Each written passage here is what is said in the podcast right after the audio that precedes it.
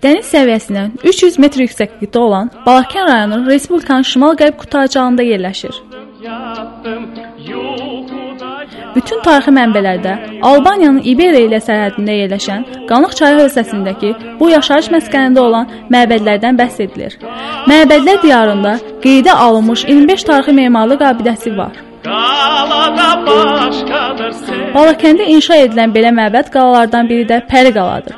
Vaxtı ilə geniş ərazini tutan abidənin çox hissəsi zaman içərisində dağılıb. Yalnız yüksəkdəki qala divarları salamat qalıb.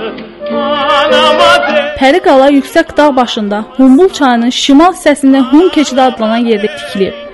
Humbul, Humbol, yəni çox sayda Hunun məskən saldığı yer deməkdir. Sasani hökmdarı Xosrov Ənşirvan Azərbaycanın şimal sərhədlərinin hərbi strateji əhəmiyyətini nəzərə alaraq Balakən, Şəki və Dərbənd istiqamətindəki dağ keçidlərini möhkəmləndirmək məqsədi ilə həmin yerlərdə qala və sədlər tikdirib. Gərəkli kəndinin yuxarısında tikilən əzəmətli qala bu dövrün məhsuludur. Uzunluğu 50 metrə çatır. Yüzillər üzərində üstünə yığılan toz, torpaq burada çürüntü qatı yaradaraq qalanın üstündə xeyli ağac bitməsinə səbəb olub.